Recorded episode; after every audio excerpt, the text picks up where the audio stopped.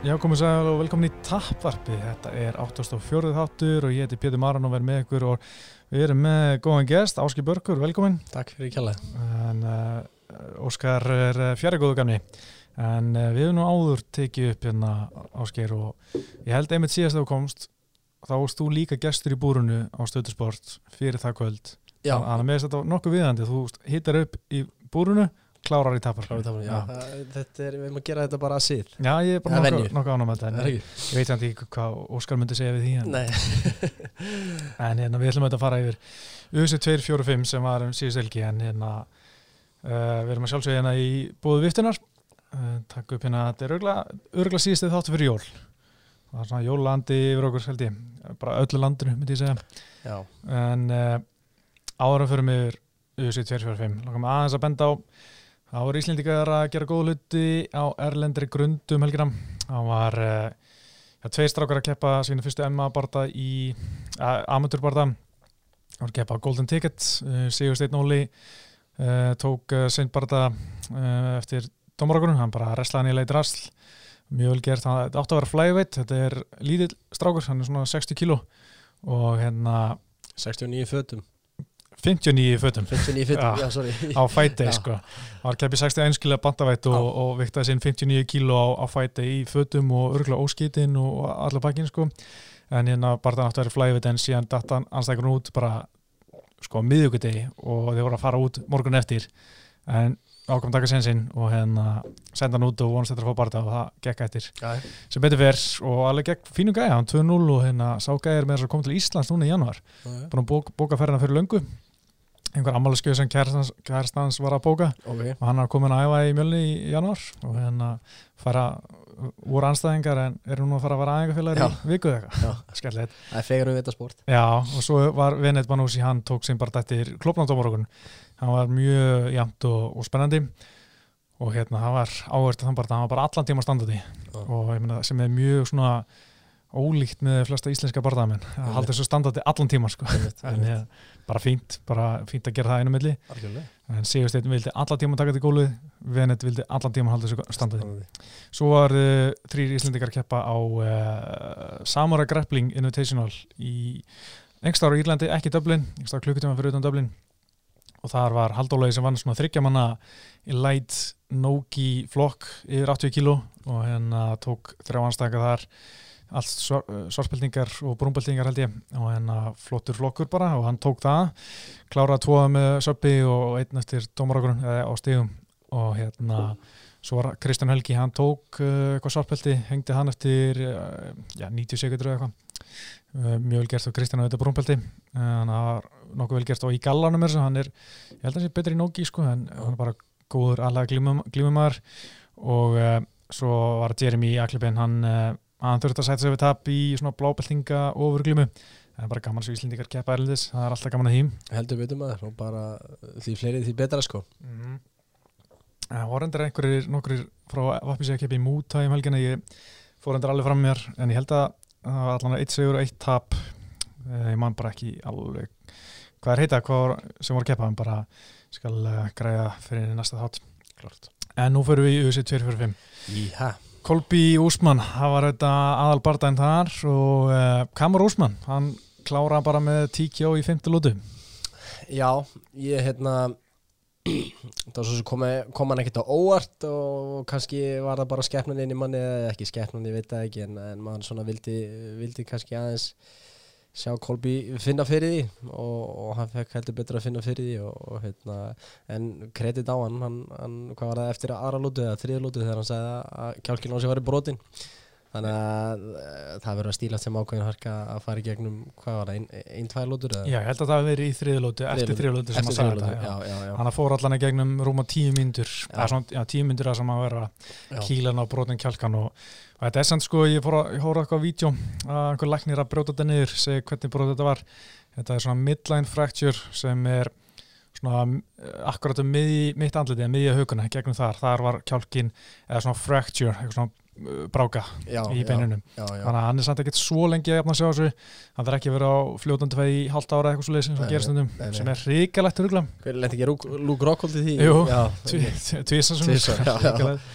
en hérna hann, hann er samt, þú veist uh, sko hann verið frá í fjóru til sex vikur eða eitthvað svona, þú veist uh, að slæmur, en Já. svo hérna ætti hann að geta að ríða kjátt aftur sko en það er magna að vita sko, þú veist, þetta hérna sko, kjálkabrót er, þú veist að þetta, er djöfulsis harka að fara gegnum þetta og hann stóð sér frábæli Hann var gerði það. grjótarur hann að Kolbi en að því hann er svo mikið fíbl það er engin að rósonu fyrir hörkuna það er allir bara eitthvað gott á hann þú veist, gott á hann skildi kjálkabronna og eitthvað.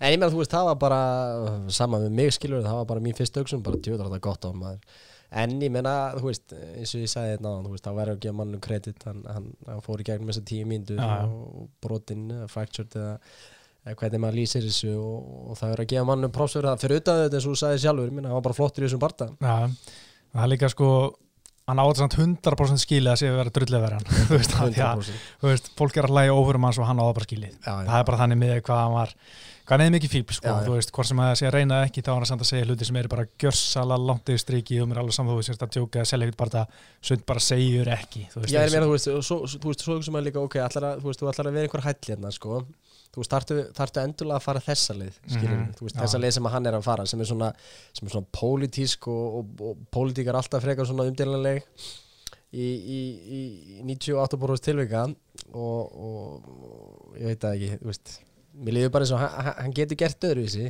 já, hann getur gert öðruvísi, hann þarf ekki Mm. að vera með rauða hatti sinns, þú veist, make America great again og allt þetta kjaftaði, sko, en þú veist, þetta, er, þetta er einhver leið sem hann fór og, hann verður bara að liða með henni og þú veist, ég held nú reyndar ég held nú reyndar að hann hérna ég held að hann hafa alveg verið tilbúin fyrir allan skítið sem hann fekk já, sko hlýtur að vera það bara hlýtur að vera Já. sko og örgulega komið ágætlega þykkan skáp eftir allt í þessu rugli sem hann er búin að vera í já, já. senastu, senastu árið tvö Einmitt, einmitt.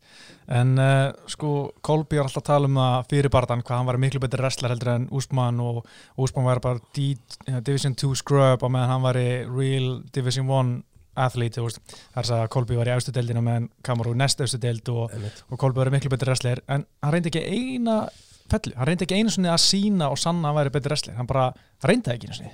Nei, ég, ég sko ég held þetta hefði verið eitthvað svona sko mér fannst reyndar eh, kannski er ég bara ekki nógu fróður um þetta en, en, en mér fannst Joe Rogan og, og Annik og hver var með þeim hann Kormir? Kormir, já, hérna, við minnum að Kormir hefur að tala um að, að Úsmann væri betri standard en er er, er, finnst þér það vera fakt eða? Mér finnst það bara að vera nokkuð svipaður en svona allan fyrirfram sko, mér finnst kannski Kolby vera með meira voljúma meðan Úsmann betra output, já. Eh, betra power en mér finnst eftir þetta, mér finnst eftir á síðan að bara finnst Mhm. mér að Úsmann klálega vera betri að stræka sko, Já, já, hann komur á óvart sko, hann var góður sko, ég held að hann var ekki svona góður standandi Nei, einmitt, já, ég meina hann hefur alltaf klálega bætt sér sko, en ég einhvern veginn svona gott feeling mitt fyrir hann að barda var þannig að þú veist, ef þetta væri standardið þá væri Kolbi yfir en, en það var kannski voljúmi sem var að plata mig en, en, en mér fannst hann svona vera að setja saman veist, flettur hjá þar en svo náttúrulega replayin af, af höggunum hans Úsmann voru beautiful mm -hmm. bara bein, hvað var það, bein hægri eða Já, sem braut, braut kjálskan Já. hana, já, það var mjög flott sko. það var beautiful eins og maður segir En Úsmann alltaf með 100% fellverð fyrir hennar barða og Já. maður var svona pínu spenntur að sjá hvort að Kolby geti myndi reyna það 100% og hann gerði það ekki og ég held að hann hafi bara þorði ekki, já, ég held að hann ekki þórað, ég held að hann Mhm. hafi verið, þú veist, pínu hrættur um að, þú veist, ég held að hann hafi ekki haft trú að hann geti tekið hann og ég held að hann ekki vilja, þú veist, farið teikt hann, láta stöffa og sjá, Úsmann, hvað myndi segja þá, og gefa honum smá svona, bæði bara sjálfströst og svona tækjafrið til að skjóta á sig, sko. 100% sko. Og ég líka bara, veist að standa, standa á móti manni eins og Úsmann bara hvernig hann er vaksinn og, og bara íþrótta maður sko, ég, veist, ég veit það ekki. Ég, ég held að ef ég væri með resting caliberið hans uh, Kolbi, ég myndi ekkert leggja í Úsmann sko Nei, en hvað veit ég, ég spila bara fótbolta sko. Þetta er sann svo mi- mikið svona býst að maður, maður er ekkert hissa en sem er 100% fellur Nei, og þú veist, þetta er bara gæði sem er búin að resla sem var 11 ára gammal eða eitthvað, eða 9 ára, ég veit ekki og þú veist, og með svona skrokka, þú veist hrikalegt að ná hann niður sko. þetta er alveg gali sko. En ég meina, þú veist, þetta var auðvitað þetta var stórskemmtilegu bardaði mm -hmm. þú veist, ég, ég veit ekki, það var, það var eitthvað sem blundaði mig fyrir hann að barda hérna uh, þetta gæti orðið svona eitthvað að ég veit það ekki, þú veist að menn, það var svo mikið undir það búið, svo, búið að tala svo mikið Mhm. sérstaklega kolbi megin, að þú veist, Mhm. þetta er kannski svona, þú veist, að þeir var eitthvað aðeins að halda aftur á sér en, en heldur betur ekki maður Já, þetta var bara mjög skemmtilegt og, og þú veist, ég var ekkert mikið að spá í strekkingunu fyrir hann að bardaði upp á svona eitthvað skoða, þú veist eins og fyrir búrið veist, ég nefndi ekki eins og pæla í strekkingunu, hugsa bara, þetta er svo lítið, þetta er bara eitthvað grænt uppi búrið Já. og þú veist, það var líka svo lítið af efni til þess að velja fyrir strekkingi, jú, hann hérna úsmannum með eitt knockdown og ámöndi Maja og Strickland reyndar og svo hérna rotaðan hann að Sergio Moraes. Mhm. og svo er ekkert mikið meira eitthvað svona flott eitthvað svona til að pæli eða til að sína svona, en ég var svona, æ, nenni ekki að hafa eitthvað strengi svo saman með Kolby, Já, þetta er bara svona frekar lítil, svona mikið output en lítið power að baka við Einmitt, og svona, og þú veist ég vissi ekkert hvað ég ætla að hafa, hann er bara sleppum bara, þetta verður ekkert strengi, þetta verður bara grænt. Já. en svo var þetta bara allan tíma standið. Ég það var svona, að, mér finnst það pínu leðilegt svona eftir á. En, Já, hérna, en þetta var samt sko eins og við vorum að tala um fyrir barndan ég held einhvern veginn að Kolby myndi vera með meira volum en Úsmann meira power. Úsmann var alveg með meira volum og líka með meira power það kom mér svolítið vort og mér finnst að þessi, þessi skrokkök hjá Úsmann líka hafa verulega áhrif. Hann tók svona hæri krók í skrokkir maður sá líka hvað Úsmann, nei Kolby sko, hann var ekki að, hann var reyna eins og gæti að vera með pokerface og fela þetta. Mhm. en þú veist, þegar maður sér sko mann fá gott bodyshot og menn er svona líma olbón við skrokkin til þess að Mhm. verja næsta þá veit maður að þetta er, þetta, er vond og þetta telur sko. 100% og líka bara svona með árunum hef ég, hef ég svona lært að meta skrokkaukina aðeins meira sko og mér fannst alveg briljant þegar hann var að hérna, setja hann hefi í skrokkina á honum í þessum barda og eins og þú segir sjálfur þú veist hann fann fyrir þessu. Ég get alveg lofað því. Heldur betur og, og ég meina þú fengið boltan í maðan skilur einhver bilmings og er, leið, og leið eftir í tvær Já. mynd það er að nota penni þetta er svona þetta er mjög vond sko. Þetta er það, bara, óh, ég óska yngum að, að fá gott. Nei. en ég meina, við vorum líka svolítið að veltaði fyrir ykkur fyrir barðan, hvor myndi brotna fyrr Já. og ég held að sé ótt að segja að Kolby hafi brotna fyrr mér varst hann gefa eftir þegar þegar leið á bardaðan og, Úsmann svolítið tók yfir hann að þriði og fjórulótu Já. og hérna en Kolby kom aðeins tilbaka í fymtulóta og hann var slegið niður en, en ég meina Úsmann er svo óumdegilega mikill sigur eftir þess helgi og Kolby, þú veist, hann var frábær skilur en ég meina hann, hann brotnaði hann náði hann ekki niður hann var rótaður, kýldur niður tvisar þú veist Fall, fallið, var, fallið var bara helviti já, bara hátt. Mm þú veist, það, það er bara fakt og þú veist, svo við förum aðeins út í sam, samfélagsmiðla hliðina og hann var heldur ekkert að gera sér gott mót með því sem hann sagði um dómaran eftir, Nei. þú veist, burt sér frá hvernig, þú veist, hvernig þetta endaði allt saman en eh, nei, en ég meina, þú veist, mér fannst samt þú veist, auðvitað, hérna brotin kjálki og alltaf, ég meina Óskar Engum að lendi að Mhm. hérna, kjálkabrotna en mér fannst það bara þegar hann settist niður í, í hotnið sitt eh, og, og sagði við hérna, sagði við þjálfarinn sinna að hann væri kjálkabrotin þá sá maður bara svona eimdi í augunum á honum sko. Mm. það var bara svona, herru díses maður Þú veist, þetta er bara búið já, það var það sem ég hugsaði, Já. þótt hann hafi klárað þessa tímitri viðbót skiluru en hann brotnaði alveg klálega fyrir Já, hann Og- gerði það sko og þetta veist jú, maður hefði alveg viljað sjá hann fá aðeins lengri tíma en, en ég skil alveg hvað Mark Goddard er að horfa á því að hann er ekkert að veist, bæta stöðunum sinna, hann er ekkert að reyna að hreyfa sig hann er samt að verja sig veist, með aðra höndina. Einhver högg að lendi gegn. Og mér finnst alveg svona sum vera pínugráða svæði með að lenda á hnakkanum. Ekki og veist, eitthvað svona sem ég hef sem ekki skoðað mikið áttur en hérna alveg, alveg tæft. Já. en hérna þó að Goddard hefði ekki stöða borðan hana þá hefði Úsmann alltaf unnið því að hann hefði tekið svo lótu og það hefði þýtt bara sigur. Alveg 100% sko. Ég, þú veist, ég meina ég hérna, þú veist, maður horfði bara ég horfði á þetta kort tvisvar þú veist, og ég veit það ekki mér fannst ekkit eitthvað mér fannst ekkit, ég horfði á þennan barða tvisvar ásakið en mér fannst ekkit svona ég veit ekki, kannski var það bara út af mér fannst gott að Kolby tapaði en, en, en, en, en mér fannst ekkit svona eitthvað brjálaslega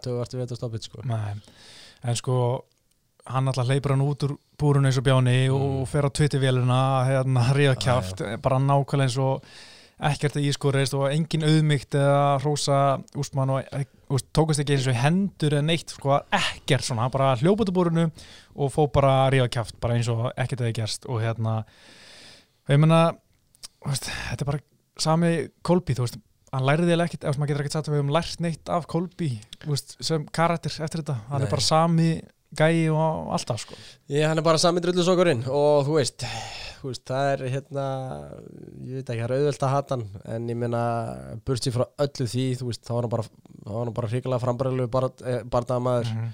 og síndi það bara í þessum barda og þú veist, hann var að keppa mútið meistaranum og þú veist, gerði bara fullt af góðan hlutum en, en, en eh, þú veist þetta komið svona fram hans eh, sönnu litir fannst mér sérstaklega eftir bardaðan Já, bara, bara þetta scenaríu að hlaup Mhm. út úr, út úr hringnum og, og vera mættur á eins og þú sagði tveitivélina fljótlega eftir að drulluðu dómaran og allt þetta allt þetta sull þú veist. Þú veist, veist ég, já ég veit ekki þetta, mér finnst þetta bara svo, finnst þetta bara svo þreytandi. Mér finnst mér finnst þetta bara svona, svona þreytandi karakter þú veist, ég, þú veist, ég hefði gúttir eða ef hann hefði bara staðið inn í helvitsringnum eftir bardaðan, tekið í hendina á honum þakka fyrir sig og þú veist og sleppt þessu helvitis tvittisulli eftir bardaðan skilur þá er maður svona, já ok, þú veist, það, það, það er kannski eitthvað aðna en það er ekki nýtt þarna maður. Nei, það er ekkert í gangi hérna. En ég menna, hann var líka drullið að Goddard fyrir hérna þetta augpót að hérna kamera hefði verið feika eitthvað augpót Já, en þú veist, það sá allir endursýninguna hann hitti í auga, pungsparki jú, jú, það máli velta, úst, setja spurningamerki við það já, já. og hérna, en ég get alveg trú að þú veist, þetta, sko hann hitti svona hálf illa, getur vel verið að hann har strókið pungliðina og það er svona ekki- farið í en það punglið ekki, er ekki verra en að fá spark beint í ég veit ekki, sko, ég, þú veist, ég held að sé Ekkert. minni, minni ef við heyrta einhvern tímann þú veist, eða, eða greisar punklíðuna já, og þú færir svona góðan hristing í kloppan sko, já, þá hérna, er það meiri sásökjun eða þú færir bara beint, ég veit ekki hvað, hvað, Já, hvað er ekki ég- ég get alveg trúið því, mér minnir Já. einmitt að mér rámar eitthvað aðeins í það sko, Já. en, hérna, en þú veist að samt skiptinga máli og hann fengi pungspark og feika, þú veist, hann var ekkert eitthvað að Nei, og, þá, en, sko þú veist, og hvað, Já. skilur þú veist, jú, jú, pungspark, iPoke þú veist þú veist, það var ekki eins og hann hafi verið í gigatískan tíma að jafna sig, skilur þetta, þetta var engin faktor í barða Nei, og þú veist, og segjum aukpóti, og hann var að aðeins að setja pressa á hann og var að þjárma hann þegar dómarinn stoppaði, en hann potaði bara 100% auðan, það er ekkert það er ekkert spurning um það, við sáum það bara í endursýningunni bara, þetta er bara, sanna að hann potaði auðanum vissulega óvilið verkuruglega, en, ég meina, sorry, þú bara bröst reglunar Já. dómar gerir hliði, hann fær tíma til að jafna sig halda áfram, og líka gott að tóka á í hann að hvað fjóra lóti bara hætti þessu töði og bara ykkur að það var svona alvöru bíf í gangi veist, menn voru bara ekkert að hérna, veist, menn veitir alls ekki tapa Nei. fyrir hver öðrum sko. og ég, þú veist svo sagði hann, það er, það er einn klár sigurvegari úr þessum bardaga og það er einn klár lúser úr þessum bardaga, það er bara svo leiðis þeir eru bara menn á sikurum endanum mm. þú veist, bara Kolbi stendur fyrir allt sem að þú veist, Úsmann stendur ekki fyrir þetta var einhvern veginn svona bara, þetta var, einn svart og hvít og gerðist mm. Og bara, þú veist, ef við ekki segja bara réttlega að það sigra Já, og ég held að við getum alveg rósað líka sérstaklega Úsmann fyrir þetta, hann, veist, við vorum eitthvað pæli í hvort að Úsmann of Mm. gýrar til leiks eftir allt trástöki, þú veist, hann ætlaði bara eitthvað að drepa Kolbi og, láta reyði allar innflytjandi það, þú veist bitna á Já, já, Kolbi og þú veist að, það var svona of mikil pressa og þú veist hann var miklet of mikið fyrir sig hann var bara mjög flottur og hérna Já. fylgdi bara einhverju gameplani og, og klára hann í veist, þetta var bara eins flott og hægt verður og þú veist og líka bara hann höndlaði þetta vel eftir barðan hann var, sagði að Kolbi verið harður og, og átti hróskili fyrir það og svona, þú veist, hann var ekkert eitthvað hann er ekkert að senda hann blóm og hérna rósir og eitthvað þannig en ég menna rósa hann fyrir það sem má rósa fyrir. 100% eða bara, þú veist, eins og þegar við vorum að ræða þetta í búrinu þú veist, ma maður hefur bara séð þetta svo oft Já, Aldo McGregor, mhm, Díaz Aróni mhm. uh, fleiri, fleiri dæmi sem þú veist örgulega betur um sko.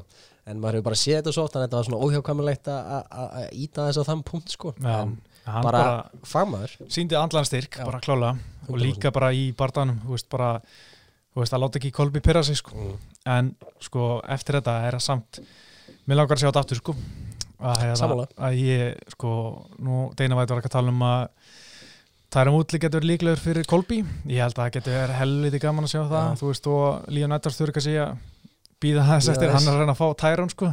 En ég get alveg gútir það að Úsmann fái Horgau Massadal eða, eða Líon Edvards eða eitthvað og hérna Tyrone fari Kolbi og eða, Kolbi vinnur að fá aftur, aftur Úsmann sko. Já. Er, er, er hérna nú spyr ég út, ég veit ekki sko. Er Masvidal búin að vera að kalla eftir barðanum við Úsmann eða?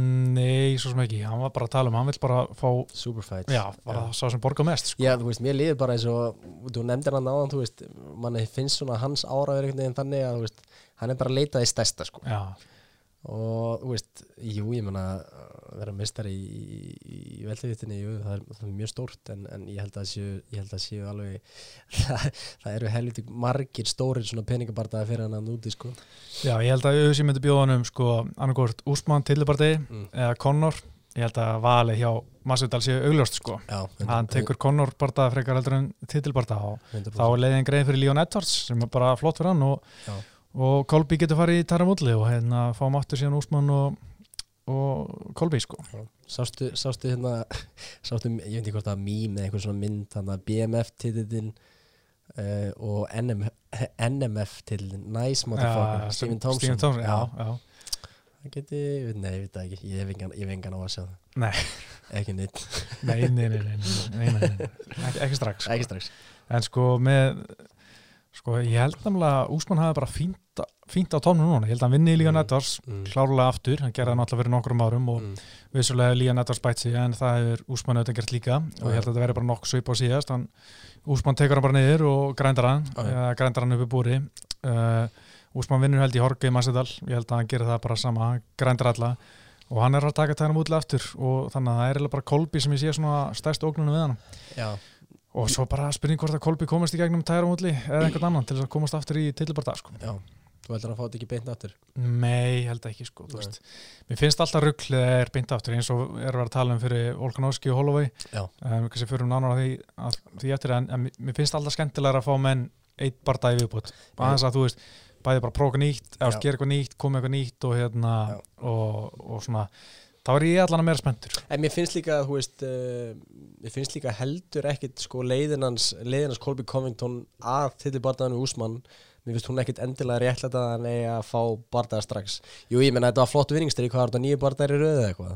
mm, já, sjö eða eitthvað. Sjö, ok, Já. já, en þú veist þetta voru eitthvað svakalega kannur Hann tók Dos Anjos, Já. Robby Lawler, Damian Maia, það var svona þrýr stærstu, Dongjan Já. Kim var náttúrulega svolítið stór þegar mann hann Já, sín tíma, eða svona top, vissu. 5, top 10 En Demi, Demi Maja bardaðan var alltaf mjög impressivt sko. það var hann koma af Taran Woodley sko, þannig að já, það var svona alveg Dos Anjó svona, ég veit það ekki Jú, þú veist, þá var Anjos 3-0 í veldu vitt sko, hann Já, var að alveg, hann var flott sko kannski er ég bara að tala með rassinu minn en Já. ef maður þegar maður horfir yfir þetta og hugsa maður svona, þú veist að ég veit það ekki, en jú, jú en, en klálega, farið eitt barða og hérna síndu hvað getur eitt barða yfirbútt og svo kannski farið aftur. Ég er til í það og ég er líka bara mjög spenntur að heyra fyrsta viðtali hjá Kolby eftir þetta, hvena sem Já. það verður sko, veist, hvaða mun í alvörinni segja sko. Og ég er bara, já, það er mjög ávart að sjá hvað hann segir en, en sko? hlakka þér ekki til svona eftir, þú veist, nokkur ár þegar hann hætti kannski, þegar hann bara sest niður með, þú veist, óbröð vinnfrið eða eitthvað og þeir bara fara yfir það, þú veist, að þetta var bara allt, þetta var bara eitt stórt leikrit. Jú, jú, það verður örugglega mjög gaman sko. Já, en ég einhvern veginn held að hann sé bara einhvern það er mikið fíbl innbyrðis skilur að það Já. skipti ekki máli hvað hann segir, þú veist, auðvitað verður áhvert að heyra en, en ég er bara bara meira spenntur fyrir núna að sjá hvað hann segir. Eftir barðan já, Já, já það mjög ég býði spenntur eftir því sko. Það er klart en uh, kannski fyrir maður næsta barda? Ég held að við sem nokkuð búin að fara í þennan barda. Það er náttúrulega Max Holloway tapa fyrir Alexander Volkanovski. Jó, þetta var svolítið, svolítið upset sko. Þetta var það sko. En uh, ég hann að það var ekki margir sem sko náttúrulega voru með svona tippleik á MA-frættum mm -hmm. var ekki margir að gefa Holloway eða sem voru að tippa á Volkanovski held að það voru svona fjórir af uh, hvað, 35 eða eitthvað. Að- en vel gert hjá Volkanovski og hérna hann bara einhvern veginn bara leiði aldrei Holloway að komast í gang sko. Ég, þú veist alveg svakalega hérna, impressive sigur hjá hann ég Mhm. bara, þú veist, ég, það er ekkit að þú veist, fyrir mig auðvitað betur og eða, en, en bara svona ég heldina litið bara veist, þetta kom og þetta var líka bara svona, þú veist þegar hann var krýndu mistari, þá var hann bara, já, ok skilur, Mhm.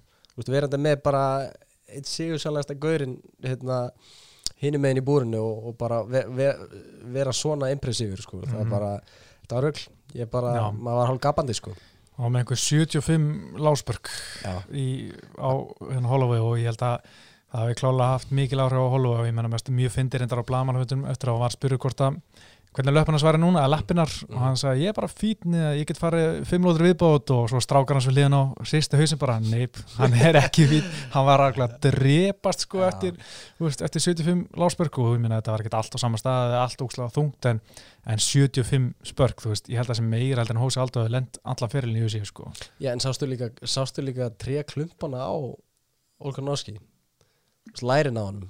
Þetta var ekkert grín, sko þetta er stór, þykku strákur. Ekkert smá, sko. Thick boy, Alveg bara svakalega, sko. Og fá, fá þessi, fá, fá kraftin og þessum lærum í lappirnar sinni Það sást það líka á, á Holloway. Hann var hún Hann var hún rauð, hann var hún vel rauður eftir fyrstu þrjú fjögur spurkin sko. Já, þetta var líka svona áhugavert uh, að því við vorum ekkert mikið að pæla í svona stregginginu hjá hann fyrir barðan sko, Nei. maður var bara meira að pæla í svona þessu klins og klins entries og hérna wrestlingi og, og, og, hvernig hann myndi verið í, í vasanum og, og Mhm. eitthvað þannig sko, en, en hann var bara mjög góður eiginlega í öllum fjarlæðum, bara í bara langt í burtu og hérna í vasanum og, og þú veist, reyndi var alltaf að taka niður og svona klinsa eitthvað til þessu við og svona eins og hann væri ekki eins og að reyna að taka niður Já. og hérna gekk þetta Skynsamlegt. mjög vel, já, bara mjög mjög flottur og ég held sko, jú, Holloway gekk aðeins betur í lokina svona króan af Mhm. og ég var svona aðeins farin að ná hérna meira volum en, en hann var bara einhvern veginn komst bara aldrei í gang og þetta Volkanovski hafi bara þetta er bara sama sögum Hósi Aldó þegar hann fór á móti Volkanovski, Volkanovski bara komst aldrei í gang nei, Aldó komst aldrei, aldrei í gang en,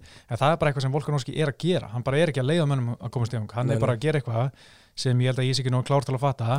Og þú veist, bara hann að menn bara ná ekki að finna takti, ná ekki að komast í og spila sitt game, heldur bara hann gerir sitt og vinnur á stígum 100% sko. Og líka bara veit ekki, hann er svona þú vorum að tala um voljumið hjá Kolbján þú veist, maksaðu þetta þú veist, slæra á, hel- slæst á helviti háu tempói oft mm. og setur oftast, þú veist, setur oftast svona eh, þráðin í öllum bardum eða þráðin, ég veit ekki hvernig ég orða þetta en eins og ég segi sjálfur, þú veist, hann náði einhvern veginn bara núlað út og ég menna spörkin í lappirna á honum, þú veist, við höfum séð þetta áður, skilur þú veist, Mhm. þetta, þetta dreifur kraftin á mönnum og Mm. og ekki það að- að að Holloway sé eitthvað sakalega kraftmikill fætir þannig sé sko. En hann er allavega að, þú veist eins og ég sagði á hann, veist, hann slæst á háu tempói og, og, og ef hún er ekki að slást á háu tempói og ef það er þitt ting þá, þú veist það er erfitt. Það er erfitt Veist, sko, vissulega, algjörlega. En sko, ég held að við séum klálega komið með þjálfar ársins það er hérna Eugene Robinson, hann er með Volkanovski, nýrmestari og Adesanya, Já. nýrmestari og náttúrulega Dan Hooker sem er að gera frábár hluti og hann er að fara að byrjast við í næsta mánuði e, Pól Felder. og þú veist, hvað er að gera hann þetta er nýja sjáland, sko, þetta er einu svona Ástralja, þetta er nýja sjáland, bara einhver íslensk eiga, þú veist þannig sé, bara eitthvað pínlutil eiga, það eru einhver miljónum sem búðana, ég veit ekki, og miljón kindur held ég, þrefald fleiri kindur en, en þú veist þeir eru að gera eitthvað sem bara, ég held að geimi sé ekki að átt að sjá þú veist, þeir eru að búið til eitthvað gameplan mjög, allt mjög striking heavy mm og þeir eru bara að taka þess að gæða sko, sem, og búin að taka tvo titla þess ári og ég meina ég er ekki að segja fyrir að taka alla titlana en ég meina að þeir eru komin með tvo mjög impressum gæja sem eru komin inn og búin að vinna titla þess ári og ég held að Eugene Robinson se- sem er yfirþjálfur hann mm Mhm. -hmm. í kickboxing í sjónaldi það er þjálfur ásins bara óumdeilanlega. Minna rekordu tala, tala, tala sínu máli tveir meistarar, Mhm. tveir sko þvíliki bólarar sko. Já, en Eh, sko, ég er líka svona veltið fyrir mig með, með Holloway núna. Mm. Þú veist, að ég sko, auðvitað, vissulega, hann er bara 28 ára gammal, ég var hans að tala um þetta í mánudagshjóðleikunum, en þú veist, er hann að dala, því að, þú veist, ok, 28 ára gammal, engin aldur, hann ætti í rauninni þannig sem ég var að komast á, í sitt prime eða toppa núna, Mhm. en ég minn sá hérna bara á 32 ára, hann getur ekkert í það, hann er ekki búin að geta neitt í 5 ára, hann ætti að vera á toppnum þegar hann byrjaði að dala eða byrjaði að hreinja niður og, og tapa, tapa, tapa. Að þú veist, hann náttúrulega Holloway hefur kom náttúrulega mjög ungri nýju sig bara Já, 20, 21. 20 eitthvað svo leiðis tekið mikið damage þú veist, allan mótið Dustin Poirier og Brian Ortega fannst það líka eins og mótið Franki Edgar hann var Mm. ekki eins impressi eins og maður oft síðan áður þetta var svona, hann bara gerði það sem hann gera þurfti já, já.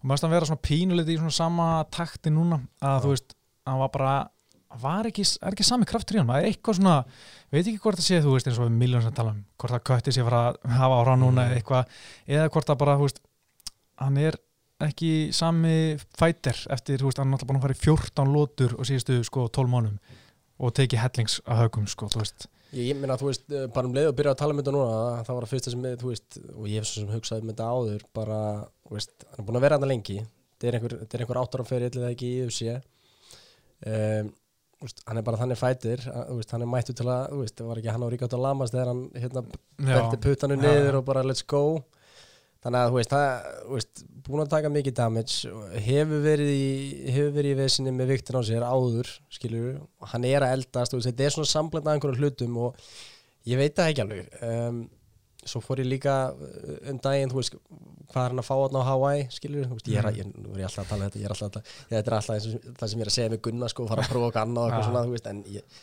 hérna kannski er þetta, ég, veit- ég veit það ekki. Ég, ég neit að trúa því að hann sé að dala eitthvað. Mm, ég vona bara að það sé eitthvað tímabil. Mm, en eins og ég segi, hann er ekkert að, hann er ekkert að yngjast, þetta verður ekkert auðvöldara mm, og hann er, að fleiri, hann er að fara að fá fleiri högg á sig á næsta árum þannig að já, vonandi bara held hann sér í toppnum eins lengi og, og, mögulega getur sko, já, sko. skemmtilegu karakter. Já, já, maður fílar alltaf, alltaf maxinn sko.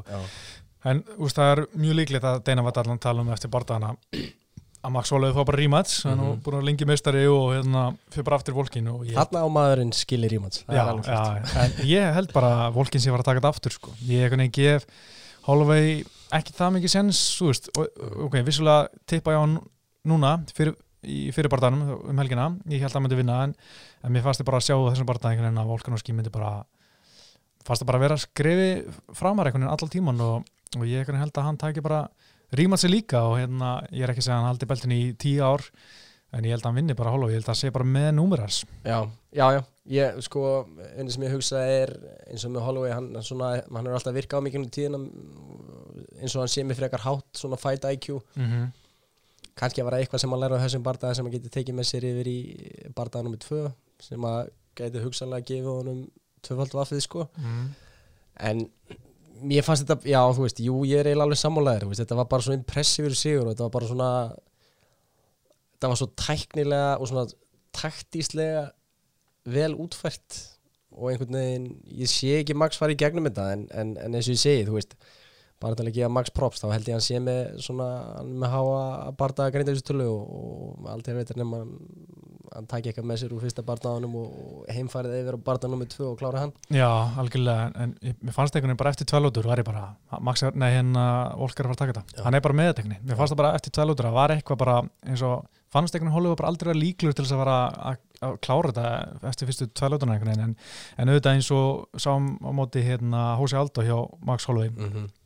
Fyrir barðan hann klára hann í þrjálótu Mm -hmm. og gerði setni barðan líka, en hann var gerði samt, breytti samt um, hann var meira sáttbúum að ringsóla í hina áttina, öfu áttina eh, við að gerði fyrir Já. hann gerði komið nýtt þráttur af undið Akkurat. þannig að hann getur alveg sko, ekki, ég er kannski aðeins og fljótur á mér að afskra hann hérna en, en hann getur vel verið að hann komið inn bara með eitthvað mjög gott gameplan sem bara breyðist betur við lásbörgunum Mhm. og verið með betri vopn að hérna núna að vera með hann búin með 25 mínútur veit nokkuð veginn hvað hann er að gera og komið bara með eitthvað nýtt og endur hindi beltið sko 100%. maður má ekki afskra hann þó ég segi gera það sko ég, Nei, en ég menna, þú veist, ég skil pælinguna að þetta, er, auðvitað, þú veist, þetta, þetta var ekkit svona one-off eins og þú talaður um, þú veist, hann var ekkit þetta var ekkit svakalega impressið á móti Frank Eggar þú veist, Mhm. svo átti hann alltaf Dustin Poirier bardaðan það var Mhm. auðvitað í flóknum fyrir ofan og það ekki að, en ég menna, þetta er hann þrý bardaðar sem að, þú veist, sem að maður svona maður er svona, þú veist, þetta er ekki alveg þetta er ekki alveg sami gamli góði þú veist, en þótt að, þú veist, eh, aðstæðarnar í, í, í Poirier bardaðan voru náttúrulega allt aðrar en, Mhm. en, en, en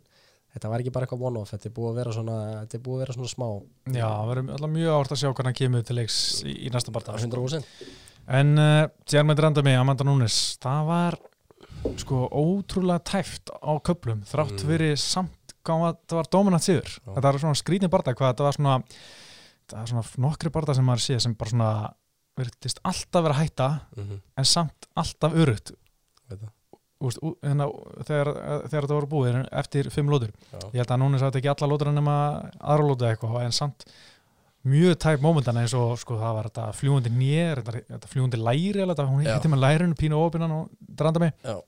og hérna uppkikið hana í gólfinu mm -hmm. Það var svo tæft sko bara, ef hann hefði bara aðeins að ná hrindilin til liðar og með eitt hamarsöku viðbæti eitthvað þá hefði Núnes jafnvel bara verið alveg átt og, og svo þetta- þessi triangle og þú veist ég, man, ég veit ekki alveg hvað Núnes var að gera svo sem oft sko í fannst eins og strax í fyrstu lótu hún var að reyna á svona kílokk sem er svona axlalás Já, í gardinu, það er eitthvað sem bara svona er kent bara hundra einum og bara aldrei að gera þetta.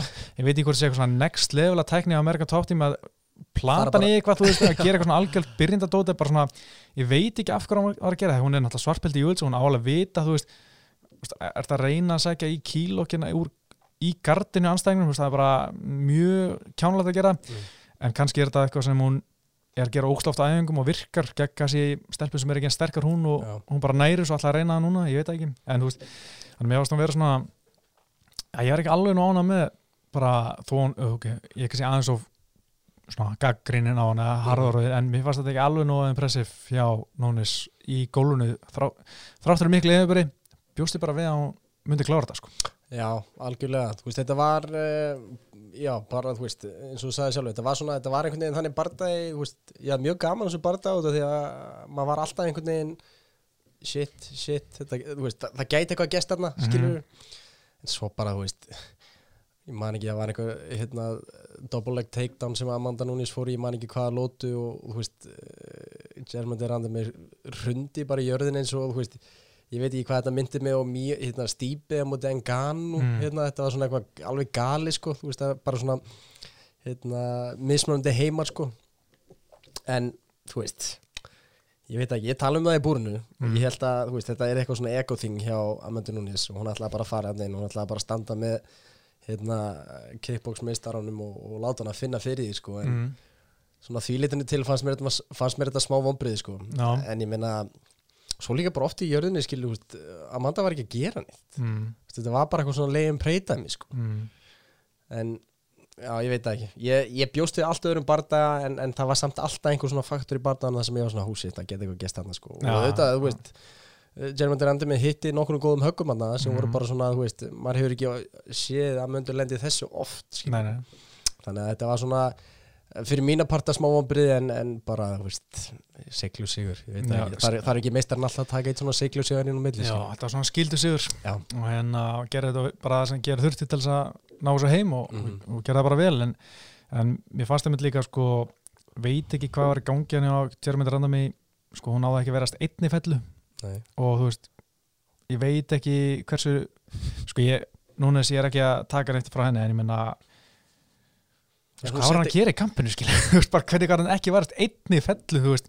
Hversu þú veist, ég, Núnes er góð þú veist, rest, góður restlir alltaf en Já. hún er ekki svona góð, hún getur náð hverju einustu fellu sko. Ég man ekki, man ekki í, í hvaða lótu það var. Þetta var þarna, þú veist, hún fór í doppelleg setti eitthvað fárlega bara illa upp, hljóp bara með hausin þú veist, ég get ekki líst teknaða dreifunum og ég er ekki nógu fróður, þú þekkir þetta betur en ég og þú veist, tók utan á lappindar á henni og hún hrundi bara eins og þú veist, tré, bara timber sko, og ég hugsaði bara svona veist, sloppy takedown gali takedown defense sko þannig ég hugsaði bara svona, oh my god, hvað er það lélegt maður. Já, og sko, þú veist, þeir randum er búin að vera í UFC núna alveg í nokkur ár og, og hún var aldrei nálægt til að standa upp sko. Nei. Þú veist, hún var alveg gefinni hrósverið hennar næstu í træningur það var velgjart og uppkikið, sko en, en bara mjög skrítið hvað hún náði ekki að verast einnvellu og hún komst aldrei upp sjálf, ég, ef ekki sem muni veist, kannski einu sinni, dómari leta hann standa upp veist, nokkur sinnum en hún var bara einhvern veginn ekki með neitt til að koma sér aftur upp sko. þú veist, þannig ég veit ekki þú veist, hvað voru að gera allan tíma þegar það voru undirbúið sem fyrir bara það sko. Nei, en mér, mér fannst hún freka mér fannst hún í staðan fyrir að reyna að standa upp eða þú veist, eins og þú segir, ég veit ekki hvað hún var að gera fyrir bardagan en, en, en, en í staðan fyrir að sta, reyna að standa upp þá var hún alltaf að horfa bara á dómaran sko. Já, sem var alveg réttmætt í, í flestu skiptum því mér fannst oft á tíðum ekki vera neitt gerast í jörðinu hvort þið er já, mér finnst það bara svo leiðilegt mér finnst bara, veist, þú átt bara að koma þér upp sjálf, sko, veist, eða sjálfur veist, ekki, ekki trista á dómartalega að redda þér bara drulla þér upp sjálfur sko. 100%. mér finnst það, yfirleitt var þannig en, en ég menna, já, ég samt, með langa pínu að sjá þar aftur mm. ef Jermyndarandum myndi fá bara svona gefa minnum aðeins betra takedown defense Já. hvað gerist þá, veist, og Já. sérstaklega ef núna sér hann þreytt, veist, er ekki náðu svo niður Já. veist, hvort að Jermyndarandum gæti virkilega gert einhverja betri hluti standandi, veist, hún var náttúrulega mjög flott standi, bara það var 100%. mjög gaman að sjá að þetta, þetta var standandi en, en hérna, en fellurverðin var ekki alveg upp á tíu, sko ég meni, ég er 100% samlega það var, var, var, var gaman að sjá þetta aftur þú veist uh, fá mann í eitthvað betra kamp fá mann yfir til Ameríku og, og, og hérna, látum einhverja restlöðs að vera hérna, að síðana til sko. En, en, en, en eins og ég segi, þú veist þetta er mestu vandræði sem hún hefur lent í svolítið tíma já, skilurðu, já. og, og það verður að gefa þetta randa með props fyrir það. Mhm. og vonandi fá bara að sjá þetta aftur. Það er svo sem ekkit, svo sem ekkit annað sem að veist, Þetta er samt það? það dominant að mér langar ekki að sjá þetta strax sko, nei, nei, nei, ég var til að sjá hana er þetta með mæta einhver eins og Sörumakmann og bara stöffa á svona 20 fellur til Mhm. Að sína mér, ok, hún getur þetta Já. ok, aftur um að þetta núna en skilja minni tvö ára það, hún satt ára 35 ára tímin er enn út, sko, hún uh, draða mig. Brjála að gera lökunni Já, hún ennþá að vinna svo en það er ekki sér bara trubla hún hefur ekki tíma alltaf að wrestlingi hún er bara alltaf næturvægt um hana sko. Já, en uh, sko nú náttúrulega næst fyrir núnes það er ekkert mikið í gangi í bandahættinni þú veist, Nei. og náttúrulega fjárhættinu sko, hún getur verið með belti í fjárhættinu 50 ár og myndi Mhm. enginn taka eftir hún- hvort hann verið beltið ekki. Það myndi enginn pæli í. En sko náttúrulega um Clarissa, Clarissa Shields hún alltaf eitthvað hún sko er að leggja til að það mætist fyrst í bóksi svo kom hún í MMA til að mæta veist, ég segi bara til hvers. Við vitum alveg í bóksi Clarissa Shields rústar henni mm -hmm. Emma núnes double leg bara eftir tíu sekundur tekur veist, eitt, eitt, af hverju þurfa að sjá þetta? það er ekkert merkilegt við þetta jú, ég var gaman að sjá þú veist, flottan bóksar á móti Emma fætir, jú, alltaf lagi en, en samt, þú veist, við vitum alveg hvernig þetta er að fara, þetta er bara alveg eins með Floyd og Conor. Það vissu allir, Að þú veist, ég gemur það að flestir að vita að Conor myndi tapa fyrir einum besta bóksar samtímans Já. en samt var náttúrulega eftirspinn eftir þess að því að Conor sem brjálaðast kjaft já, já. það er ekki það sama með Núnes þú veist, Núnes er ekki með persónleika til að byrja upp eitthvað risa barda sko, ef maður segja alveg eins og er eða svona ekki, ekki talandar sko, Nei, maður ég- lesa að hlusta hann tala sko. já, já, svo er hún bara svona respektful í, í að þessi, hún er alveg toppmanneskja já, algjör toppmanneskja, og mér finnst bara mjög flott hjá henni líka það var bara fyrsta sem hún sagði í vitlunum var að senda saman hver til fjölskyldi Volt Harris og allt það sko, Já, já. en bara veist, þurfum ekki að sjá á móti Amanda Nunes, það vita allir hvernig þetta er að fara. Hvort sem er bóksa emma já, ég veit, það er klárt sko. En ég meina, þú veist uh, ég væri kannski til að sjá ef, ef, Amanda heldur sama stríki næstu tvö árin hvað er gömul? hún er 31 eða eitthvað. Já, já, næstu tvö árin. Og það verður engin svona alvöru kompetitor hann að hvað er bæði bantam og featherweight þá fyrir hendur við yfir í bóksið já, ég heyri þetta inn á uh, Ég bara næsti partæði Það er Hósi Aldó og Marlon Moraes. Ég nenni ekki að tala um hann Nei, ég, nenni ekki að skrifa um hann í Nei. og að því ég hugsa bara ég ætla bara að tala um hann hérna. En ok, það var náttúrulega umdeilt Mm. en þetta var ótrúlega jæmt og þú veist, það að kalla þetta rán finnst mér vera bara alveg frálægt veist, það er ekkert af því að skora þriðlöðuna fyrir Hósi Aldó og heldur ekkert af því að skora hana fyrir Marlon Moraes það var bara mjög jæmt og það var bara mjög eðlilegt að menna mismandi skoðunar á Mm. hvora unnið hann að barða það er bara það jæmt og það tæft að þú veist, að annar af unnið þýðir ekkert að veist, einhver hafi haft rétti að rámt fyrir sér það verður bara einhver að vinna Mhm. lótuna og þessu tilegi voru tveiri dómara sem dæmdu Múraðin sigur í þriðu lótu og ég veist, ef við skoðum bara tölunar Aldó með 15 högg í þriðu lótu Múraðis 20 og jú, jú, Aldó var að stjórna pressunni alltaf en það skiptir minna máli heldur en höggin. Það eru höggin sem telja meira heldur en einhver hvort stjórna búrunu og pressar. Allan í nýreglunum sko, það var ekki þannig í gömlu skils mér. Nei. þannig að þú veist, Múraðis vann en Hósi Aldó var alveg ekki unnið og þetta er ekkit rán. Mér finnst það bara fráleitt að, að segja það sko. nei, það var bara svona 50-50 þú veist, Mhm. eins og ég segi þú veist, uh, Moraes og Val hérna, uh, vann að barða allir lagi. Ef hósið hefði unnið hann, þú veist, jú, jú ég held að maður hefði alveg sagt, já, ok en mm -hmm. það var ekkert meira en það, skilur Nei, þú veist, yf, yfirburðinir þú veist, öðru hvora megin voru ekkert gigantískir, sko. Nei, nei, nei, alls veist, ekki ein, ein, eina sem ég fannst var bara, þú veist var bara að Moraes var í sinni þyngd. Mm -hmm. Hósi aldrei ekki. Og mér fannst ég sjá svona sérstaklega einhvern veginn til að byrja með bara. Ég veit ekki hvort það var bara físingina á Moraes hann neitt náttúrulega alveg skuggalega vel út alveg bara skorinn frá hausnir í tær sko. Og mér fannst einhvern svona meira power í hann til að byrja með en svo þetta jafnaðist aðeins út og, og, en, en, en veist, bara til að hafa mikið málum Moraes. Já, en mér varst líka sko með uh, Hósi Aldó, hann er núna að segja hann fast hann unni fyrsta lútan líka og þú veist, alla lútanar og bara svona þetta bara kjaftaði og hérna Mm. Tilgur sér á aðeinsu en, en ég menna, hann var í þriðlúti, hann var hann að stjórna pressunni hann var ekkert að gera end ægilega mikið til þess að hæri, ég verða að taka þetta ég á að gera hitt og þetta, nei, nei. hann gerði bara svona alveg nóg til þess að geta unnið þetta Já. en ekki nóg til þess að bara svona Hósi Aldó vann þetta, það er engin spurning. Þetta var, þetta er uh, var svona questionable í endan, hann var alltaf að fara að vera spurningamerki Þetta var jæmt, þú veist, ég menna Marlon Moraes var bara að hitta meira í þrjú lótu það er bara, tölfræðin segið það og þú veist, það. hann var líka með færri högg hann var með herri prósendu, ég menna hann var með eitthvað 56% högga hit, hittu og meðan hann var bara 40% eða eitthvað hjá Aldó Já. í þrjú lótu og en þú veist, þetta er bara þetta var ekkit rán, þetta var bara jafnbarda og, og, og veist, eins og það bara er ekki jafntöfli, það er ekki hægt að vera með 10-10 lótu, það er bara, reg, reglunar eru þannig Já, að þú veist nema báði sem er nákvæmlega jafn mörg högg sem sko attempted og lendu já, nákvæmlega jafn mikið að pressa fram nákvæmlega jafn mikið að stjórna búrunu þá getur það 10-10 en það bara er, hefur aldrei gerst held ég bara sko. Það er bara 9-9 ef annar ef það tekir stíg á öðrum þetta er bara það sem komissjóngæðinir segja sem byggja sér reglu á og þú veist, auðvitað maður kannski ekki alltaf sammála þessu.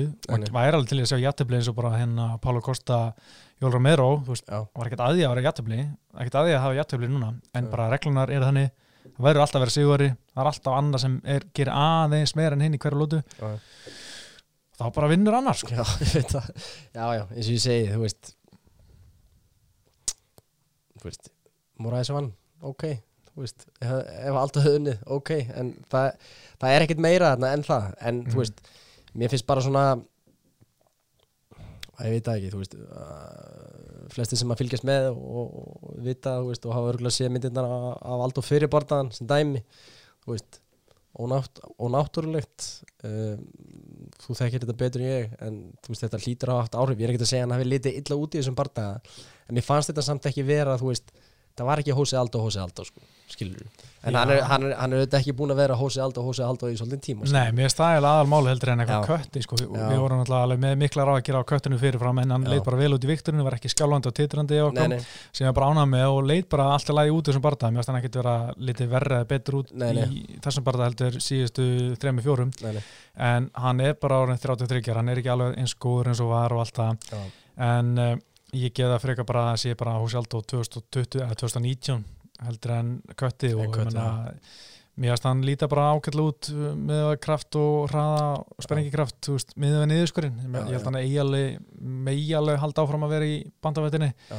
Þú veist, miðið hann leit út en, en hérna, ég held að þetta verði samt ekkit hann er ekkit að vera titilinn, sko, hann veist, ekkit eitthvað impressive, þú veist. Nei, nei. og hann er bara að að vera á sama stað í þessum flokki eins og í fjárautin held ég. Já.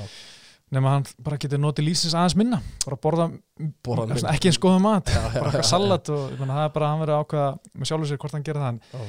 en eitt sem maður hefur saknað síðust árun hjá Hósi Aldo, það er þessi lásbörg Já. það er bara, það var ekkert í þessum barða ekkert gegn eh, Volkanovski eða hvort það var eitt eða tvö. Og hann er bara alveg hættur það er, við getum alveg hætt að tala um þetta sem eitthvað flott vopnján hann er bara hættur að sparka og ég velti fyrir mig bara hvað veldur, veist, ég held að sé kannski eitt er að kannski er anstæðinginni bara reyfanlegri, mm Mhm. -hmm. að reyfa sig meira til þess að forðast uh, að lenda í eins og lásbörkum eða þá bara hann náttúrulega breyta sér fótinn hann á móti Chan Sung Jung Mhm. og stóka hann meira higgandi að bomba í lappina á mönnum, þú veist, mögulega hrættur að brjóta sér ristin aftur eða hann hittir hann nýð eða eitthvað þannig já. eða þá bara kannski, þú veist er hann bara einbætt sem er á bóksinu eða eitthvað, ég veit ekki en, en hann er bara virðist vera alveg hættur að sparka sem er auðvitað leðilegt en, Já. En þetta er bara, þú veist flottistu low kicks í MMA er bara farin Já, ég, þú veist það getur ekki verið að hann, hann vil einbæta sem meira að því að bóksa sko því að þú veist við, við erum að tala um sko um eitthvað stærsta vopp bara, bara ever í, í, í hans tingdaflokki sko mm. og hérna já ég veit ekki hvað það er ég einhvern veginn það, maður hefur saknað þess alveg Mhm. svakalega þú veist, í, þessum barndagum upp á síkasti um, en ég veit það ekki. Ég er einhvern veginn bara svona fyrir mér að hósa alltaf bara svona einhvern veginn og þú vorum að tala um það hvort að áðan hvort að Max Ólu og Max Ólu er náttúrulega tölvert yngri en, en, en aldrei að tölvert hvað er mikið yngri? Hann er fimm árum. Fimm árum yngri á Þú veist, ég held að við séum ekkert að fara að fá gamla góða hósa alltaf aftur. Ég, Nei, ég, held, bara- ég, ég held að það tímbil sé bara búið. Já, já, þetta er bara eins og með allt, þú veist, Já. menn vera eldri og já, já. menn eru bara ekki eins góðir veist, það er bara staðrend og, og hérna sérstaklega í sportið það sem þú ert að fá högg í, í, andlita og skrokkin já, og, þú og, veist, það kemur bara tíma alla þú veist, bara Já. father time is undefeated Já, það er bara svo leðil, það er bara, mér finnst alltaf svo ógeðslega sorglegt, þú veist, nú var, nú var maður að fylgjast með honum í WEC Day, sko, mm -hmm. að sjá, þú veist, uh, hérna, sjá svona mann einhvern veginn bara svona fjara út, það er svo sorglegt, en við höfum svo sem eins og segi, þúsund dæmi um þetta, skilur, Mhm. Chuck Liddell og veist, við förum, förum það langt aftur og þetta mikið, mikið fleiri en, en þetta er bara sorglegt, leðilegt en, Já. en það er bara það er það er leiðilegt að að eldast er leðilegt og ég þekki það vel við þekkjum það Já, við það sko. En sko, fyrst erum við að tala um fjárrættina vel.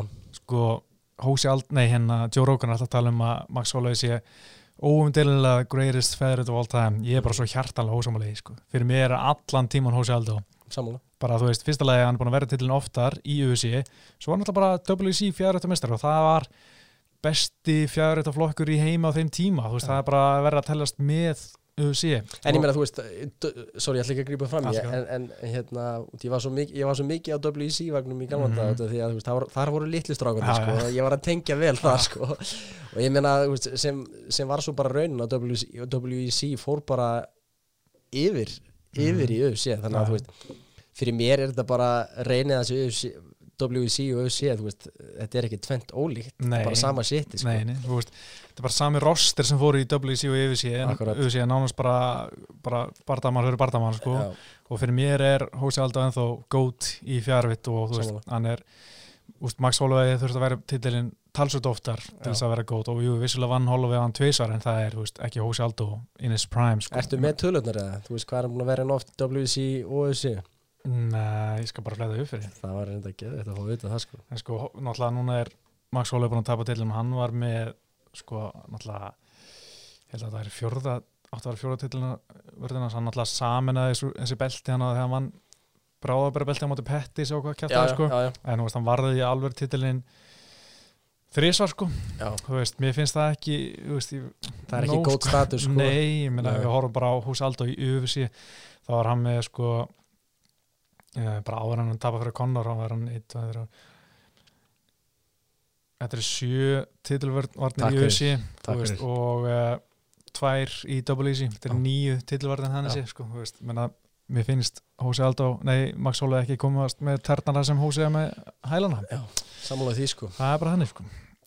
Ég held sko, já, ég veit ekki Ég veit ekki, ég veit ekki hver pælingin hjá Joe Rogan er á baku þetta en, en, en ég bara um leið og sagði þetta 100% Hósi Mhm. alltaf allan daginn Já. ég, veist, eins mikið og ég fíla Max þá, þú veist þá kemst hann ekki að nála Hósi alltaf hvað þetta var Nei.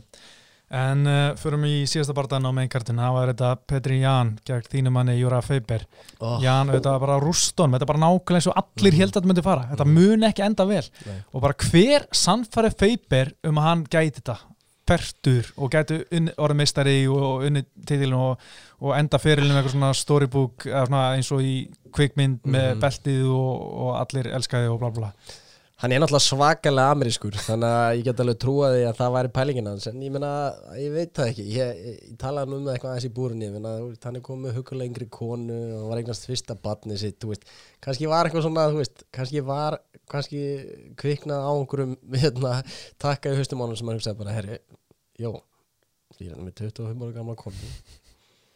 Ég var eignast mitt fyrsta batn þú veist, ég er ekki svona gammal sko. En þú veist auðvitað er hann orðin gammal maður. Já, búin, að vera, búin að vera í þessu ég veit ekki hvað mörg ár maður. Hvað hann 20 ára með maður? Leng, meira. Já, þetta er bara tíu ár sko það er tíu ár síðan helt einhver belti, það var í WC sko, Já, og þá var hann búin að vera í nokkur ári við, þar undan sko, það er bara fyrir Mike Brown. Já, nokkulega það skellir sem Já, geggjaði bara það, það er báðir sko. Já, reyndar og geggjaði bara það sko. WC man, ég elskaði WC Já. það mest að, einhvern veginn náðu ekki alveg að það var ekki alveg saman fílingur þegar litlu strákunum fóru í UFC eftir að vera í WC hann var eitthvað eitthva meira væpa á bakveit hann í WC 100% sko. En sko, þú veist, Petri hann alltaf bara var svo miklu Mhm. betri allan tíma og var svo mikið að lemja hann í annar og þriða lótu og þú veist, þegar auga var orðið þessi kúla undir auganu sko ég er bara, ó, Herri, props á köttmannin maður sem Já. kom inn og hann tók kúluna bara niður um sko 70% gerði þetta mjög vel. Mjög vel, en sko ég bara skil ekki fólki í kringu Feiber veist, veist ok, það er mjög erfitt að stjórna fullarana manni, en þú veist, þeir hljóta að taka nákvæm ríldók bara, eru gamli. Þú ert ekki að vera meistari, sko. En svo er hann svo mikill bossman þú veist, Mm, veist já. hann, hann á þetta gym þú veist, hann er búin er búin að vera að ala upp einhverja gæja hann í mörg, mörg ár skilur og svo þegar að hérna, svo þegar að æstipresturinn ákveðu bara, herru, já, þú veist ég ætla áfram að vera á fætir, sko. Þú veist, ég ætla að sé erfitt fyrir þessu gaur að segja eitthvað, sko. Ég held að sé örgulega svolítið mikið að yes menn hann í kringum hann, sko. 100% sko. Það er bara þannig held ég. En uh, veist, hann satt veist, maður getur eiginlega ekki svona að vera á mótun, með, veist, það er mjög auðvelt að halda pínum með hann og hann er svo skemmtilegur svona nettur gæi, sko, og hann líka hann bara tala um eftir og bara, já, mér finnst það bara gaman skilur, ég bara sé ekkert eftir þessu og bla bla, en þú veist og hann var samt að róta þig og bara berja þú veist, þú þarft ekki að gera þetta en hann plýsa bara að hætta þessu og hérna ekki vera að taka svona skada að óþuru Nei, og líka bara, þú veist uh, ok, vert, þú veist, ef þú vilt vera í þessu verður þá bara í þessu á öðrum fórsendum skilur, Já, verður að berjast við ja, ég veit ekki hversu fyrir, veist, hann, hann er auðvitað potið keppnismæður, veist, og hann er auðvitað búin að vera að glíma er hann ekki búin að vera að glíma alveg síðan hann hætti MMA jú, skilurðu? jú, já, hann bara var að keppa alls konar mótum í, á Polaris og eitthvað já, já, en þú veist, eins og ég segi bara guðanabæðinum, elsku drengur gerði þetta öðrum fórsendum, þú veist, e- ekki vera að stefna að einhverjum titli eða eitthvað svona sveit, sko, því, að, því þá lendur þú bara í svona vegg eins og, og Petri Ján var, sko já, og er. já, þeir eru að hérna, hann ætti bara að fara í hann og Aldo, eða eitthvað þannig. Þú veist bara, Faber Aldo 2 ég var, ég var ekki með að þá það. kannski sjá low kicks aftur frá Það er vámaður það var náttúrulega legendary myndin sem Faber postaði eftir að læra hans var í mökki hérna, bara þetta var eins og svona einhverju lita með fjólblóðum túslit eins og svona en, en að penni hefði sprungið í það. bara svona fjólublára lærin það er magnum ég var alveg til það. En, en Petri Ján sko auðvitað maður vill bara að hann fari í henni sig út og núna. Já. en djöfull, þóli ekki henni sig út og þegar fyrsta sem hann segir ég ætla að fá húsi Aldo, mér fannst hann vinna hann bara. Það og Deinu vært bara, að ég hatt ekki það um mitt. Come on, þú veist húsi Aldo tapar sem bara það, hann leiti ekki það vel út. Og þó hann að vinnið samt var Petri Ján, leit miljónsum betur út. Hann er með lengra stríki í þessu flokki og hann er bara unnið fleiri barða, síðustu fimm barða og þó að húsi Aldo selji fleiri miða í dag, þú veist, húki En held, veist, heldur þú það? Já, ég held að, Aha. veist, Brasilia er, þú veist, á bandinu og, og allt Já, þetta skilur tektra nafn og svona, þú veist, já. já, en þú veist, ég menna það er fullt að gæmi í bandaveit sem eða bara skilið, þú veist, þeir eru búin að býða heil lengi, Mhm. já, ok, býða sinni í júni, Mhm. en að, þú veist, það er þetta bara Petri Ján og Aldemar Störling og ef þeir þurfa að býða eftir hósi Aldo og þeir þurfa náttúrulega fyrsta leið að býða eftir flugveitinni, menn alltaf segja út ekki að vera flugveitatitilin sem hann er Mhm. ekki búin að vera sinni í janúar, eða veist, hefur ekki verið bara stum síðan í janúar, veist, hús, Hver er þar, Seguto, hver er þar fyrir hann?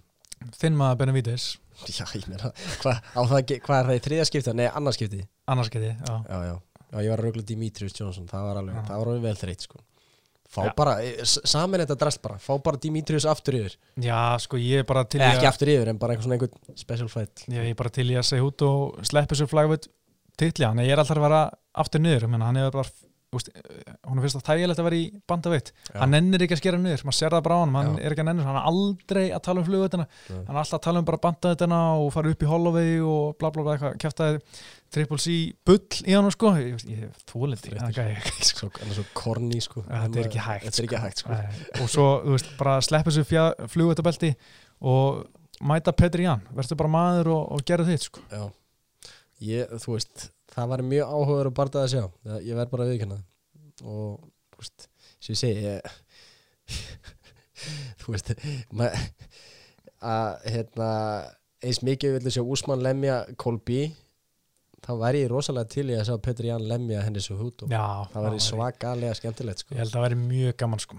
Já, en veist, er, er þetta ekki bara er þetta ekki bara lógist Petri Ján henni svo hút og bam Já, eða, já, mér, Eða en ég er mér, mér finnst mun meira spennandi að sjá Jan heldur en allt sem enn Störling sko. Því að bestu vótni aldrei mann Störling er wrestlingi og ég held að hann sé ekkert að wrestla henni svo út og ég bara sé ekki fyrir mér sko. nei, en ég sé alveg Petri Jan gera góða hluti gegn sig út og ég einmitt. held að það er bara geggjaður bardagi sko. Já, en þú veist, En- ef Algemin Störling mætir á sveið, þá fáum við allan að Matt Serra og hérna Já, reyð langa Ray Longomæður Það er alltaf veisla, Það er sko. alltaf veisla Já.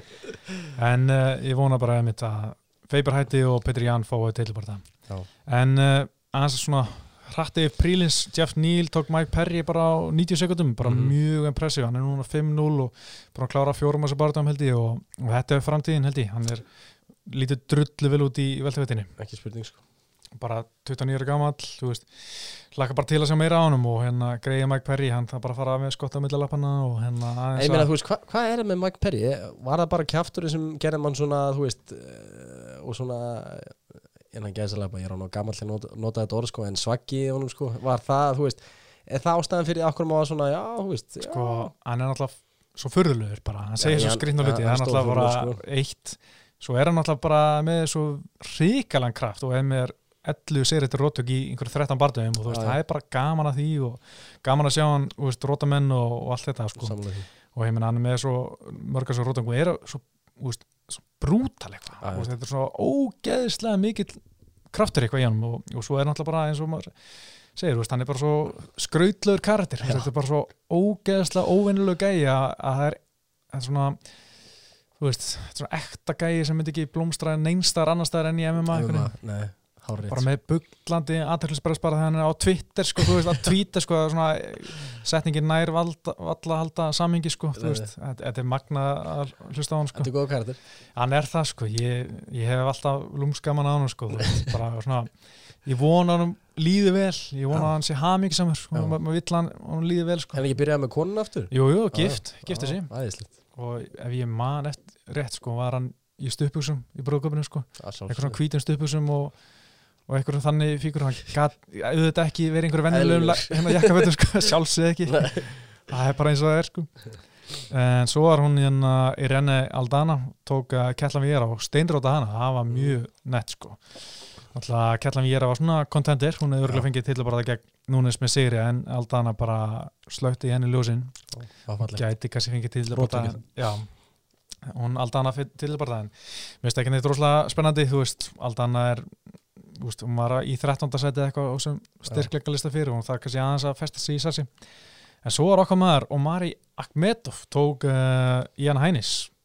Og Akhmetov er bara, sko hann er búin að vinna núna þrjá í röð svo gerir hann jættöfli Mari Vættur í og tvo þar undan, hann er ekki búin að tapa núna í sex barndagum röð. Bara kemur rosalega óvart. Já. Nei, bara props á hann sko.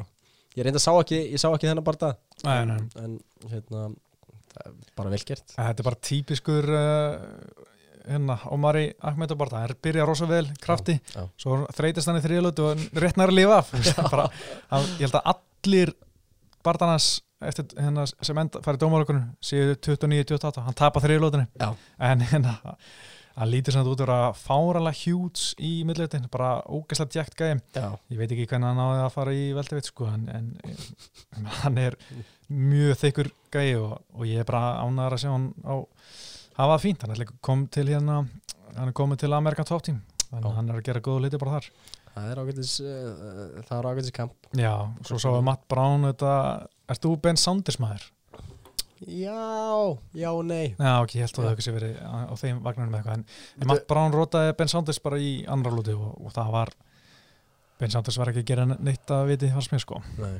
Það er bara Ba- Brown rótaði og- Býtu, er, er ekki farað með rétt mál? Ben Sandur, er þetta ekki gæðin sem opnaði fullt af akademíum í Tælandi? Var hann ekki, er hann ekki Mm, nei, út Nei, að býtu rugglast á hérna Mike Swick, eða ekki? Sem hann? Jú, ég er að eitthvað sem hann Já. Er þið ekki báðið sköldaldum með skegg? Jú, jú, jú. Eins og ég og þú? Það er gott lúk sko Já, já, ok, það var ég að rauglast En ég meina Ben Saunders hann er búin að tapa núna 6 að síðustu 7 bara þar hennum hættu þess Já, þetta kom gott hjá hann sko. 36 ára gammal og, og svona en Matt Brown kom aftur núna eftir hvað er þrjú ár síðan hann bara síðast og Var hann ekki, var hann ekki retired eða? Jú, hann hætti, hann sleitt crossband og hvað bara hætti, svo bara kom hann aftur og hann var, var að tala um að hann langa að gera þetta aðeins lengur sko. Ok. Náttúrulega, já, það er tvö ár síðan bara síðast hann rótaði Diego Sansi svona mjög Mhm. vissjusli hérna 2017 eitt á rótakum ársins það ár. Já. en flott í honum og bara aðeins að minna á að hérna Óskar hann tippaði á Ben Saunders. Bara svona smá aðeins að en Ben Saunders var stærsti underdogin á karatinu sko. Já. en, en allan hann 6 að 7 töp. Já, þetta komið gott hjá hann sko. Já, uh, svo er eitt sem að geggja eitt prílinspartæði, það var Chase Hooper tók Daniel Tamer. Chase Hooper hann er 20 ára mm. og hann lítur út eins og ég sá að reynda, hann fyndi tvítum hann lítur út eins og Sean Malley að hann aldrei byrjaði að reyka græs sko. Hann með krullunar og grannur og, og svona.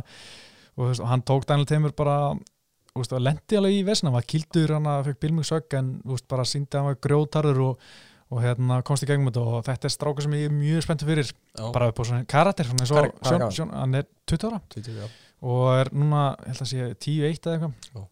Og mjög góður í gólunu og kláraði Daniel Timur bara, já ekki söppan en hann tíkja á í gólunu Ok. og talaði um að eftir bara hann hlakkar svo mikið til að fara í M&M búðuna og fá svona custom made M&M bara talaði endast M&M bara ja, ungur. 20 ára, Já, já. það. Þetta er einfalt. Já, ég, það er mjög gaman á hann hérna, Chase Hooper, ég hlaka til að sjá hann næst bara. Hvað, hérna uh, Kemur hann úr einhverju kampi eða Sem maður þekkir? Mm, Nei, ég manna bara ekki sko en ég man bara, ég sá hann strax bara þessi strákur, þetta er svona einn af þeim sem lítur alls ekki út fyrir að vera fættir. Nei, ég elska að sjá þannig gæja og sérstaklega þeir vinna sko, hann, hann er með krullunar og hann er rosa krútlegur og barnalegur í framann, lítur já. út hans að hann lítur út fyrir að 15 ára sko Já. en hann er alveg, þú veist, 20 ára sko. Og hérna, og svo tekur hann gæja og, og, og klárar hann sko. Ég, ég er mjög gaman að því, Svona gæði sem er kannski bara búin að vera í MMA síðan hann var 10 ára eða eitthvað. Öruglega sko. Veist, hann lítur svona út sko. Það er babyface assassin maður. Já. Þetta er með rendið sko. Já. En já, ég held að sem nokkuð veginn, nokkuð veginn er búin að kóra þetta kart en, en það er svona náttúrulega næstu helgi síðasta kart ársins í auðvisi það er uh, í Suðu Kórum og hérna Frank Edgar á móti Korean Zombie. Pínu leitt að sjá uh, Brian Ortega meðast, það ég var mjög spenntur að sjá hann aftur. Já. Hann er ekki bara síðan að tapa fyrir Max Holloway í desember í, í fyrra sko. Þannig að 2019 fyrir gegnum það ára án þess að berjast. Galið. Það er er er ekkert galið. Hann, hann, fekk að finna fyrir í þeim barða en, en, en, en þú veist Það er fætir sem ég held að ég framtíðina fyrir sér. Eða Já, held, já. veist, Hann Já, sér. Hann, er, hann er komin hann við toppinn og er fínust það Algjörlega. En það er svona sem alveg fínir barða hann í Suðu Kóru og, og þetta er sínt á stöðu sport og byrjum klokka 10 morgunin Um morgunin? Já, Herri, já. Og fyrsti fætt sko að prílins er held ég byrja 7 á íslensku tíma. En svo byrja meinkartu klokka 10 Já, já. þannig að við erum bara í toppmálum bara, bara morgunkaffi og hérna ekko bacon með husi ég fíla það alltaf, mér finnst alltaf, ég elska kördir í Asi sko. En þetta meini veinti Frank Edgar Chansung Jung mjög skrítið, Frank Edgar er var bókar í bandaveikt af frumrun mm. í januar gegn uh, Kóri Sandagen mm og hann er ennþá með þann barda en er samt að fara núna í fjæðrætta barda gegn Frank Edgar, nei, Korean Zombie þetta er allt mjög steikt sko og hann segist ennþá alltaf að fara í, í hennan Sandagen barda í januar en, en ég veit ekki hvort hann gerir það sko en þetta er eitthvað skrítið sko ég meina, Það verður eitthvað óbeldið þarna. Já, já og Það á þetta, er eitthvað mjög steikt. Og svo er uh, svona eina vonusturnum ársins Alexander Rakic að fara á móti Volkan Óstumir í Light Heavyweight það er barndað sem ég spenntur fyrir. Já. fyrir þess að muni ekki Alexander Rakic 27 ára austríkismæður mm -hmm. búin að vinna alla fjóra barða sinni í USA og átti eitt af rótökum ársins þegar tók Jimmy Manova í, í júni headkick, rosalegt headkick og ég er mjög spennt að sjá hvað hann getur, getur gert gegn, hérna, gegn Volkan og hann er svona eitt af þessum nýja andlutum í Light Heavyweight Veitir ekki af. Já, nákvæmlega veitir ekki af. Og svo er hérna Duho Choi, hann strákar sem lítur út að vera 12 ára Já. kórumar, Já, ég elska að sjá hann líka geðu ykkur fætir, Já 28 ára gammal en ekki deginum eldri en 12 ára í andlutinu Nei. hann er að koma aftur núna eftir já, hann tæplaði 2 ár á hliðalínu Var ég hernum með það? Ég held það, eitthvað þannig, eða, eða bara mittur sko. Já.